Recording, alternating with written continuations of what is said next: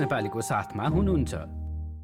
बढ्दो मुद्रास्फीति दरलाई नियन्त्रणमा राख्ने प्रयास स्वरूप रिजर्भ बैङ्कले एक वर्षमा चौथो पटक ब्याज दर वृद्धि गरेको छ। महँगाईका कारण मानिसहरूको दैनिकीमा प्रत्यक्ष असर पुगिरहेका बेला जीवनयापनको लागतलाई कम गर्न अन्य उपायहरू अवलम्बन गर्न सरकारलाई विपक्षी दलले आग्रह पनि गरेको छ।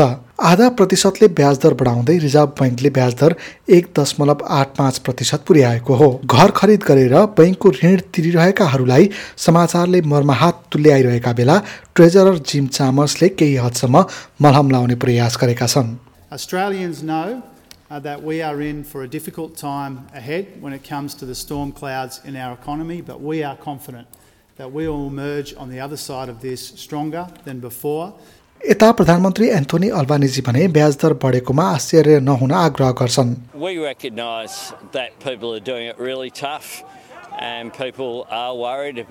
increases in their mortgage. That was foreshadowed well before the federal election that that. सरकार यतिखेर अक्टोबरमा बजेट ल्याउने तयारी गरिरहेको छ जहाँ जीवनयापनको लागत कम गर्न चाइल्ड केयरका नीतिहरू ऊर्जा लगानी र प्रशिक्षण मार्फत परिवार एवं व्यवसायहरूलाई दीर्घकालीन समर्थन गर्ने आशामा काम गरिरहेको छ।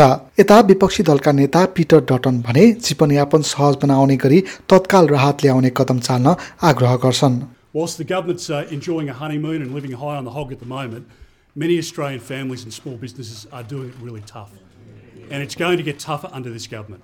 And I think Australians are starting to realise that not all of the problems, of course, particularly of the international making, are the problem of this government. But we do know from the opening months of this government already that they don't have a plan. गठबन्धनले दबाव दिइरहेको अर्को विषय भनेको इन्धनको अन्त शुल्कमा दिइरहेको छुटको विस्तार पनि हो। यसअघिको सरकारले प्रति लिटर चौवालिस सेन्ट लाग्दै आएको अन्त शुल्कलाई घटाएर बाइस सेन्ट प्रति लिटर पुर्याएको थियो र यो छुट सेप्टेम्बर महिनामा सकिँदैछ। लिबरलका सांसद जेम्स पिटरसन यसलाई बढाउनु पर्नेमा अडिक देखिन्छन्। If they don't, then Jim Chalmers will be responsible for the 22 cent a litre increase that every Australian will pay when they fill, up next at the Bowser. Australians are suffering right now, and this would be a tax cut for them, which would help drive down inflation. यता वर्तमान सरकारले भने इन्धनमा दिइँदै आएको छुटलाई विस्तार नगर्ने प्रश्न पारेको छ अर्को छ महिना छुट दिँदा अर्थतन्त्रमा तीन अर्ब डलर घाटा लाग्ने सरकारको ठम्म्याइ छ। यता जलवायु परिवर्तन सम्बन्धी विधेयकको विपक्षीमा मतदान गर्ने विपक्षी गठबन्धनले बताएको छ। सन् दुई हजार तिससम्म ग्रिन हाउस ग्यासमा त्रिचालिस प्रतिशत कटौती गर्ने सरकारी प्रतिबद्धतालाई कानुनी रूप दिने प्रयासमा सहयोग नगर्ने विपक्षीले बताएको हो। लिबरलका ब्याक बेन्चर एन्ड्रु ब्र्याक भने पार्टीले अघिल्लो चुनावमा भन्दा महत्वाकांक्षी योजना ल्याउनु पर्नेमा जोड दिन्छन्। सरकारले भने विधेयक पास हुने अवस्था नआए संसदमा लिएर नजाने र कानुन बिना नै लक्ष्य हासिल गर्ने उद्देश्य राखेको छ। लाइक र कमेन्ट गर्नुहोस्। नेपालीलाई फेसबुकमा साथ दिनुहोस्।